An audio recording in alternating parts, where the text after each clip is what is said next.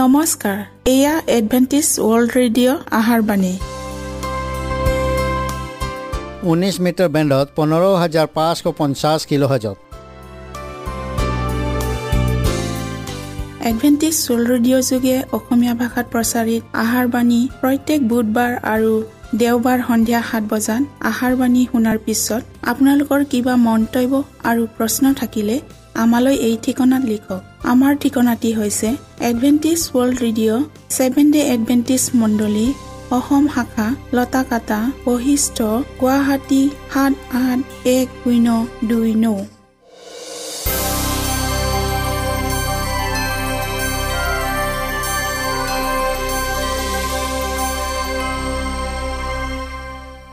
প্ৰিয় শ্ৰোতা বন্ধুসকল এতিয়া শুনো আহক এটি খ্ৰীষ্টীয় ধৰ্মীয় গীত।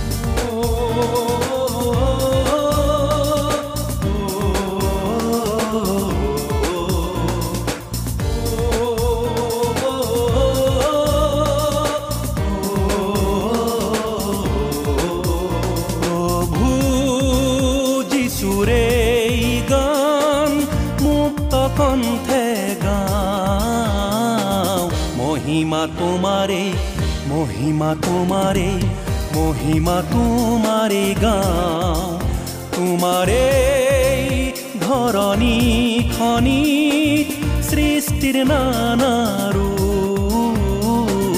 বিকশিত হয় বিকশিত হয় বিকশিত হয়।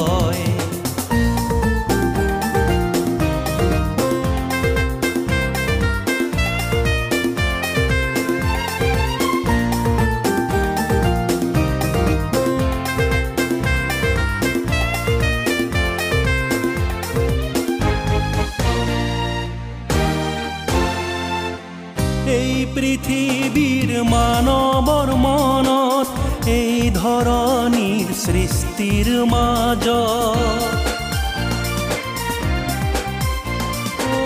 এই পৃথিৱীৰ মানৱৰ মনত এই ধৰণীৰ সৃষ্টিৰ মাজ বোৱালা প্ৰেমৰ নদী তোমাৰ তেজেৰে প্ৰেমৰ নদী তোমাৰ তেজেৰে মহিমা তোমাৰে মহিমা তোমাৰে মহিমা তোমাৰে গাওঁ প্ৰভু যিচুৰে গান মুক্ত কণ্ঠে গাওঁ। মহিমা তোমাৰে মহিমা তোমাৰে মহিমা তোমারে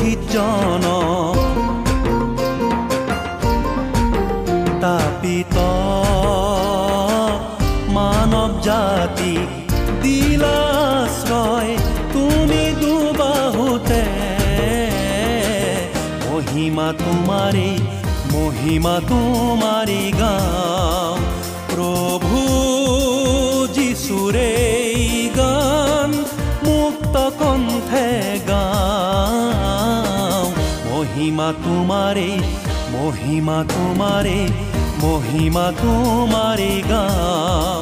তোমাৰে ধৰণী খনি শান্তিৰ নানাৰো বিকশিত হয় বিকশিত হয় বিকশিত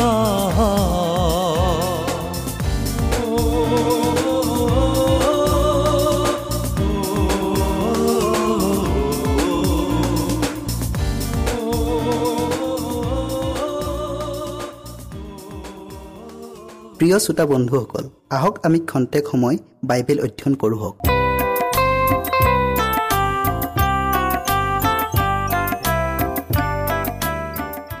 প্ৰিয় শ্ৰোতাসকল আজি আমি নতুন বিষয় ছয়তানৰ ফান এইটোৰ বিষয়ে অধ্যয়ন কৰোঁ হওক।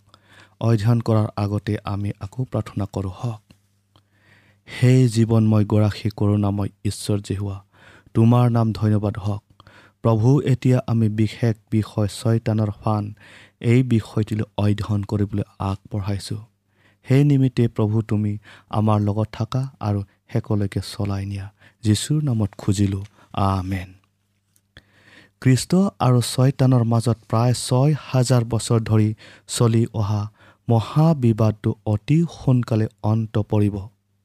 আৰু মানুহৰ বাবে কৃষ্টই কৰা কাৰ্যক নিষ্ফল কৰিবলৈ আৰু মানুহবিলাকক তাৰ জালত তাৰ ফাণ্ডত বন্দী কৰিবলৈ দুষ্টজনে তাৰ প্ৰচেষ্টাক দুগুণ কৰি তুলিছে।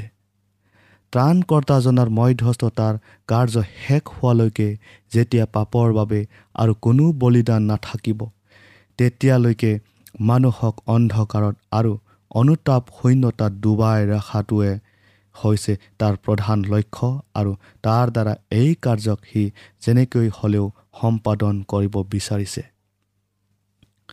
যেতিয়া তাৰ শক্তিক প্ৰতিৰোধ কৰিবলৈ কোনো ধৰণৰ বিশেষ ব্যৱস্থা লোৱা নহয় তেতিয়া মণ্ডলীটো গতানুগতিকভাৱে চলি থাকে আৰু পৃথিৱীটো কোনো ধৰণৰ পৰিৱৰ্তন পৰিলক্ষিত নহয়। তেতিয়া ছয়তানে তাৰ বাবে মূৰ নঘুমায়। কাৰণ তেনেকুৱা এটা অৱস্থাত সি যিবিলাকক তাৰ ইচ্ছামতে কাম কৰিবলৈ তাৰ ফাণ্ডত বন্দী কৰি ৰাখিছে সিহঁতক হেৰুৱাৰ ভয় তাৰ নাথাকে। কিন্তু যেতিয়া অনন্তকলীয়া বিষয়বোৰলৈ সিহঁতৰ মন আকৰ্ষিত হয় আৰু মই পৰিত্ৰাণ পাবলৈ কি কৰা উচিত বুলি সিহঁতৰ মনে হাহাকাৰ কৰে তেতিয়া সি থিৰেই নাথাকে। সি তেতিয়া খ্ৰীষ্টৰ শক্তিৰ অহিতে নিজৰ শক্তিক ব্যৱহাৰ কৰে আৰু পবিত্ৰ আত্মাৰ প্ৰভাৱক বাধা দিবলৈ চেষ্টা কৰে। বাইবেলত বৰ্ণনা দিয়া আছে যে কোনোবা এটা বিশেষ আয়োজনত যেতিয়া ঈশ্বৰৰ দূতবিলাক ঈশ্বৰ হোৱাৰ সন্মুখত গোট খাইছিল তেতিয়া ছয়তানে তেওঁবিলাকৰ মাজত উপস্থিত আছিল। অনন্ততাৰ ৰজাজনাক প্ৰণিপাত কৰিবলৈ সি তাত উপস্থিত হোৱা নাছিল। কিন্তু ধাৰ্মিক মানুহবিলাকৰ অহিতে তাৰ ইৰ্জাজনক কথা লগাবলৈহে উপস্থিত হৈছিল। মানুহে যেতিয়া ঈশ্বৰক উপাসনা কৰিবলৈ সমবেত হয় তেতিয়া সেই একে লক্ষ্য লৈয়ে সিও তাত উপস্থিত থাকে। যদিও সি অদৃশ্যমান হৈ থাকে তাত উপাসনা কৰিবলৈ সমবেত হোৱা প্ৰত্যেকৰে মনবোৰক নিয়ন্ত্ৰণ কৰিবলৈ সি আপ্ৰাণ চেষ্টা কৰে। এজন চতুৰ দূৰদৰ্শী সেনাপতিৰ নিচিনাকৈ সি পূৰ্ব পৰিকল্পিতভাৱে তাৰ সকলো আঁচনি প্ৰস্তুত কৰি লয়। ঈশ্বৰৰ বাণী প্ৰচাৰকসকলক শাস্ত্ৰ বাক্য অনুসন্ধান কৰা যেতিয়া সি দেখা পায়। মানুহৰ আগত কবলভিত লিখিত হয়। তাৰ পাছত সি তাৰ সকলো ধূৰ্দতা আৰু চালাকিক এনেকৈ প্ৰয়োগ কৰে যাৰ বাবে সম্পূৰ্ণ পৰিৱেশটো তাৰ হাতৰ মুঠিৰ নিয়ন্ত্ৰণত আহে। ফলত সেই নিৰ্দিষ্ট বিষয়টোৰ বাণীবোৰ সি প্ৰতাৰণা কৰা। সেই মানুহজন যাক সেই সতৰ্কতাৰ বাণীটোক অতিকৈ প্ৰয়োজন আছিল সেইজন মানুহক সি অন্য কামত ব্যস্ত ৰাখে। যাতে মানুহজনে সেই সভাত অৰ্থাৎ সমবেত হোৱা ঠাইত উপস্থিত থাকিব নোৱাৰে। নাইবা অন্য উপায়ে সি মানুহজনক যেনেকৈ হ'লেও সেই প্ৰয়োজনীয় ঈশ্বৰৰ বাণীটোক শুনাৰ পৰা বঞ্চিত কৰে যিটো বাণীয়ে তেওঁৰ বাবে পৰিত্ৰাণৰ বতৰা কঢ়িয়াই আনিলেহেঁতেন। শ্ৰোতাসকল যি আত্মিক অন্ধকাৰে মানুহবিলাকক ঘেৰি ৰাখিছে তাৰ কাৰণে প্ৰভুৰ দাবিলাকে চিন্তিত হৈ পৰাটোকো ছয়তানে চাই আছে। নিষ্পৃহতা অসাৱনতা আৰু সুৰূপা স্বভাৱৰ সন্মুখনি শক্তিৰ বান্ধোনডালক ছিঙিবলৈ ঐশ্বৰিক অনুগ্ৰহ আৰু শক্তি বিচাৰি কৰা সিহঁতৰ আন্তৰিকতাময় প্ৰাৰ্থনাক সি শুনে। তেতিয়া সি নতুন উদ্যমৰে তাৰ ৰণ কৌশলবোৰক প্ৰয়োগ কৰে। জগতৰ মায়া মোহত আৰু নিজৰ অভিলাষত আবদ্ধ থাকিবলৈ নাইবা আত্মা তৃপ্তিৰ দৰে আন আন বিষয়ত মগ্ন থাকিবলৈ সি মানুহক প্ৰলোভন দেখুৱায় আৰু এইদৰে সি সিহঁতৰ সংবেদনশীলতাক নিষ্ক্ৰিয় কৰি পেলায় যাতে সিহঁতে সেই বিষয়টোক শিকাত ব্যৰ্থ হয়। যিটো বিষয়ত শিকাটো তেওঁবিলাকৰ বাবে অতিশয় প্ৰয়োজন আছিল। ছয়তানে সেইবিলাক ব্যক্তিক খুব ভালদৰে জানে যিবিলাক ব্যক্তিক প্ৰাৰ্থনা কৰিবলৈ আৰু বাইবেল পঢ়িবলৈ অৱহেলা কৰা অৱস্থালৈ সি চলাই নিব পাৰে আৰু এনেবিলাক ব্যক্তিকে তাৰ আক্ৰমণৰ দ্বাৰাই সি হাত কৰি লয়। গতিকে মানুহৰ মনবোৰক বিভোৰ কৰি তুলিবলৈ সি যথাসম্ভৱ সকলো প্ৰকাৰৰ কৌশল ৰচনা কৰে।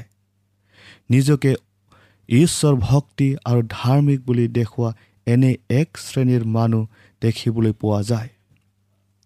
যিসকলে সত্যতা জানি তাক পালন কৰাৰ পৰিৱৰ্তে যিসকলৰ লগত তেওঁবিলাকৰ মনত অমিল সেইসকলৰ অপৰাধ আৰু ভুল ক্ৰুটি খুচুৰি পোৰাটোকে ধৰ্ম কাৰ্য কৰা বুলি ভাবে। এনে শ্ৰেণীৰ মানুহ ছয়তানৰ সুহাতস্বৰূপ। নিজৰ ভায়েক অপবাদ দিয়া বা নিজ ভায়েকক দোষ দিয়া মানুহৰ সংখ্যা কম নহয়। আৰু যেতিয়া ঈশ্বৰৰ কৰ্মৰ অৱস্থাত থাকে আৰু তেওঁৰ দাসসকলেও তেওঁলৈ প্ৰকৃত সেৱা ভক্তি অৰ্পণ কৰে তেতিয়া এনেবিলাক মানুহ সদায় সক্ৰিয় হৈ থাকে।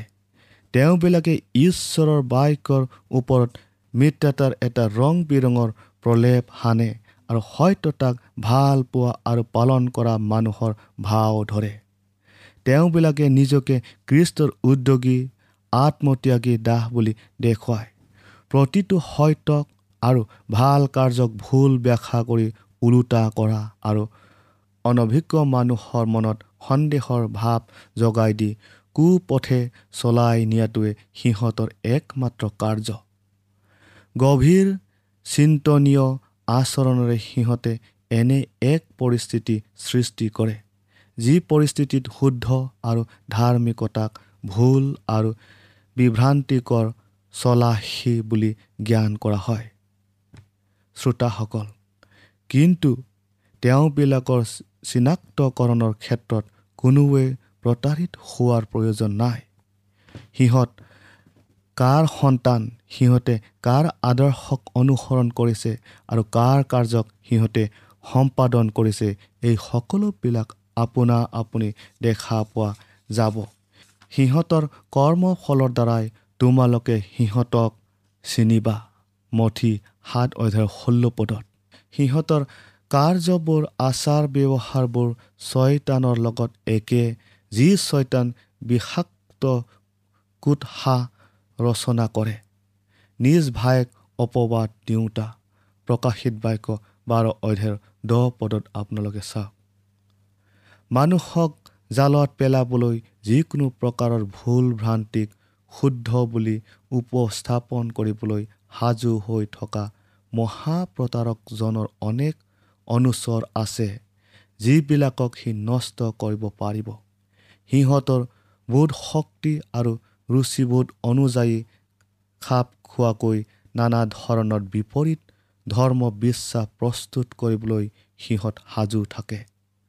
মণ্ডলীৰ ভিতৰত আন্তৰিকতাহীন আৰু উদ্যামহীন সভ্য অন্তৰ্ভুক্ত কৰাটো তাৰ আঁচনি যাতে এনে লোকৰ দ্বাৰাই মণ্ডলীত সন্দেহ আৰু অবিশ্বাস উদ্ভৱ হয়। আৰু যিবিলাকে ঈশ্বৰৰ কাৰ্যৰ অগ্ৰগতি বিচাৰে আৰু ইয়াক আগবঢ়াই নিবলৈ বিচাৰে। তেওঁবিলাকে যেন সিহঁতৰ দ্বাৰাই বাধাগ্ৰস্ত হয়। ঈশ্বৰত নাইবা তেওঁৰ বাক্যত যিবিলাক ব্যক্তিৰ প্ৰকৃত বিশ্বাস নাই তেনেকুৱা অনেক ব্যক্তি হয়তো তাৰ কিছুমান তত্ত্বক মানি লয় আৰু নিজকে খ্ৰীষ্টান বুলি পৰিচয় দিয়ে আৰু এইদৰে সিহঁতে সিহঁতৰ ভুল তত্ত্ববোৰকে বাইবেলৰ তত্ত্ব বুলি প্ৰচলন কৰিবলৈ সমৰ্থ হয়। মানুহে কি বিশ্বাস কৰে বা নকৰে সেইটো এটা বিশ্বাৰ্যৰ বিষয় নহয় বুলি ভবা এটা অৱস্থাত মানুহক পৰাটোৱে ছয়তানৰ আটাইতকৈ সফল প্ৰতাৰণা। সি ভালকৈয়ে জানে যে প্ৰেমেৰে সত্যতা গ্ৰহণ কৰা ব্যক্তিজনৰ আত্মাক সত্যতাই পবিত্ৰ কৰে। সেইকাৰণে সত্যতাৰ সলনি মিছা ধৰ্ম বিশ্বাস কিম্বদন্তী আৰু আন সুবাৰ্তা প্ৰতিষ্ঠা কৰিবলৈ সি অনবৰতে চেষ্টা কৰি থাকে। ঈশ্বৰৰ দাবিলাকে মিছা শিক্ষকসকলৰ সৈতে আদিৰে পৰা সংগ্ৰাম কৰি আহিবলগীয়া হৈছে। এই ক্ষেত্ৰত এই বিদ্বেগপূৰ্ণ দুষ্ট মিছা শিক্ষকসকলে মাত্ৰ ভয়ংকৰ নাছিল কিন্তু মিছা শিক্ষা শিকাৰো সকলো সমানেই ভয়ংকৰ আছিল। যিসকলে মানুহক ঈশ্বৰ বাক্যৰ পৰা আঁতৰাই নি বিপদে পৰিচালিত কৰিছিল বিপথে বিপথে বিপথে পৰিচালিত কৰিছিল তেনেবিলাক লোকক বাধা দিবলৈ এলিয়া জিৰিমিয়া পৌল আদিৰ লেখীয়া ব্যক্তিসকলে দৃঢ়তাৰে থিয় দিছিল। সেই উদাৰতাটো যিটোৱে নেকি শুদ্ধ ধৰ্ম বিশ্বাসক অপ্ৰয়োজনীয় বুলি ভাবিলে। সেই উদাৰতাটোৱে সত্যতাৰ ৰক্ষক এই পবিত্ৰ ব্যক্তিবিলাকৰ পৰা অনুমোদন পোৱা নাছিল। বাইবেল শাস্ত্ৰৰ বচনবোৰৰ ধুৱলি কুঁৱলীময় আৰু অদ্ভুত ব্যাখ্যাবোৰ আৰু ধৰ্মীয় বিশ্বাসৰ ক্ষেত্ৰত থকা অনেক বিতৰ্কময় তত্ত্ববোৰ যিবোৰক খ্ৰীষ্টান জগতত দেখা যায়। সেইবোৰ মানুহৰ মনত খেলি মেলি সৃষ্টি কৰিবলৈ কৰা আমাৰ মহা শত্ৰুজনৰ কাৰ্য যাতে সিহঁতে হয়তো তাৰ অৰ্থক বুজি পাব নোৱাৰে।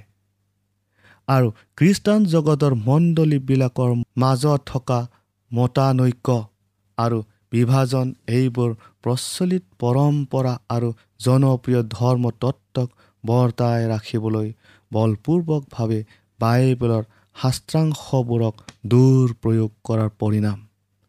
তেওঁৰ ইচ্ছাৰ বিষয়ে জানিবলৈ এখন নম্ৰ হৃদয়ৰ সহিত অতি সাৱধানেৰে ঈশ্বৰৰ বাক্য অধ্যয়ন কৰাৰ পৰিৱৰ্তে অনেকে ইয়াৰ উৎস প্ৰাচীনতকহে আৱিষ্কাৰ কৰিব বিচাৰে। প্ৰিয় শ্ৰোতাসকল ভুল শ্ৰুতিৰে ভৰা ধৰ্মতত্ত্ববোৰক অথবা অপবিত্ৰ নীতি নিয়মবোৰক প্ৰৱৰ্তন কৰি ৰাখিবলৈ কিছুমানে বাইবেলৰ পৰা এটা বা দুটা পদ বাছি লৈ তাৰ পৰা উদ্ধৃত দিয়া দেখা যায় আৰু হয়তো নিজৰ মাতৰ সপক্ষে যুক্তি দৰ্শাবলৈ এটা বাইবেল পদৰ আধা অংশকহে উদ্ধৃত কৰা দেখা যায়।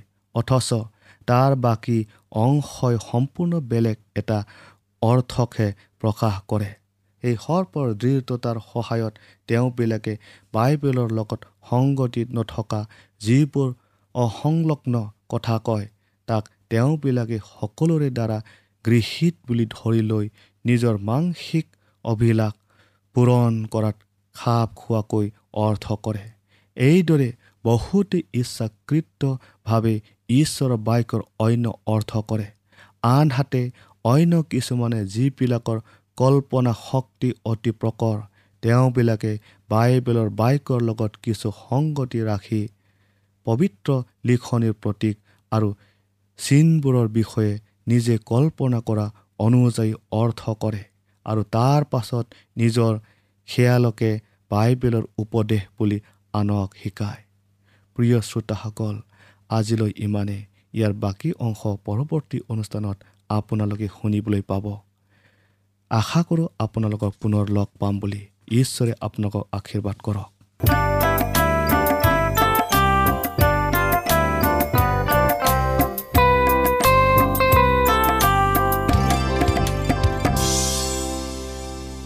ইমানপৰে আমি বাইবেল অধ্যয়ন কৰিলো। এতিয়া আকৌ শুনো আহক এটি খ্ৰীষ্টীয় ধৰ্মীয় গীত।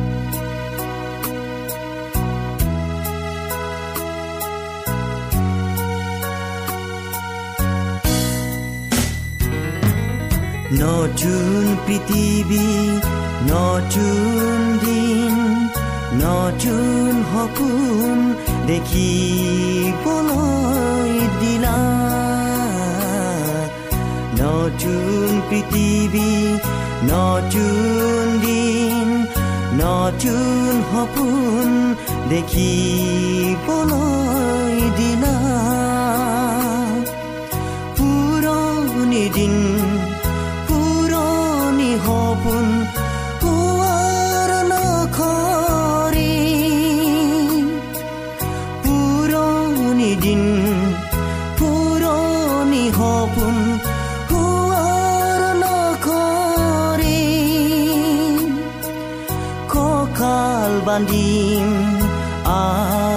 আগবাঢ়িম নতুন যুজমেৰে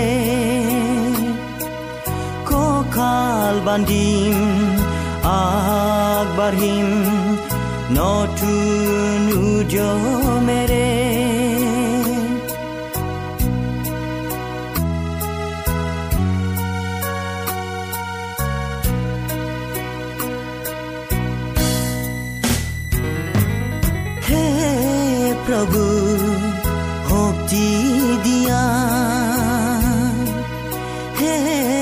প্ৰভু শক্তি দিয়া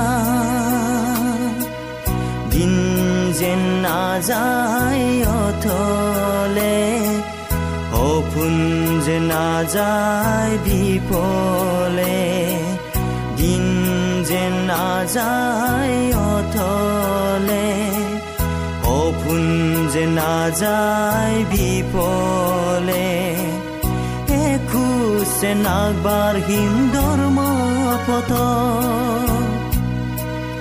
এখোজে নাগবাঢ়িম ধৰ্ম পথ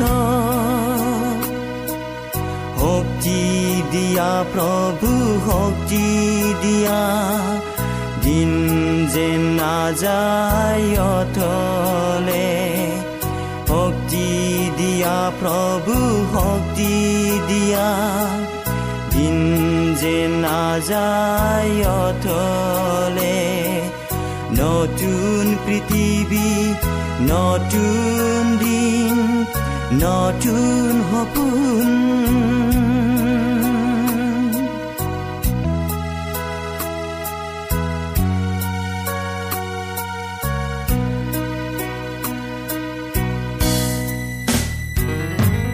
হে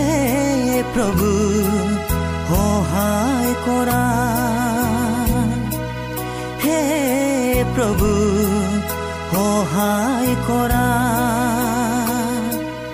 দিন যেন নাযায় অথলে আহা যে নাযায় বিপলে। দিন যেন নাযায় অথলে আহা যে নাযায় বিপলে। এখোজ যে নাগবাঢ়িম ধৰ্ম পতন। এখোজ যে নাগবাঢ়িম ধৰ্ম পতন। সহায় কৰা প্ৰভু সহায় কৰা দিন যে নাযায় অথলে।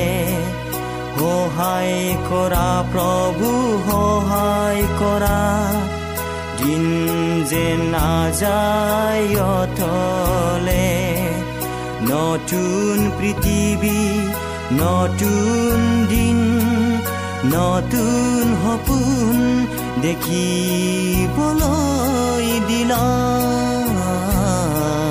নতুন পৃথিৱী নতুন দিন নতুন সপোন দেখিবলৈ দিল পুৰণি দিন পুৰণি সপোন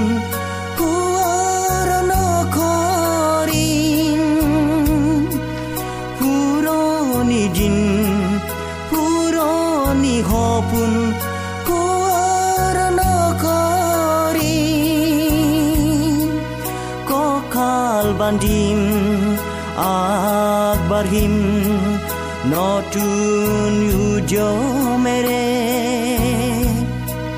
কঁকাল বান্ধিম আগবাঢ়িম নতুন উজমেৰে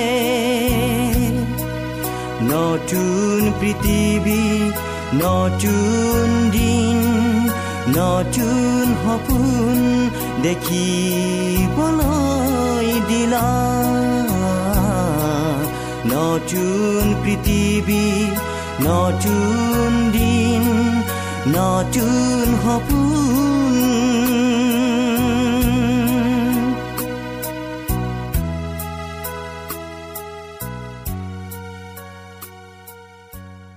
মনত ৰাখিব আমাৰ ঠিকনাটি পুনৰ কৈ দিছোঁ।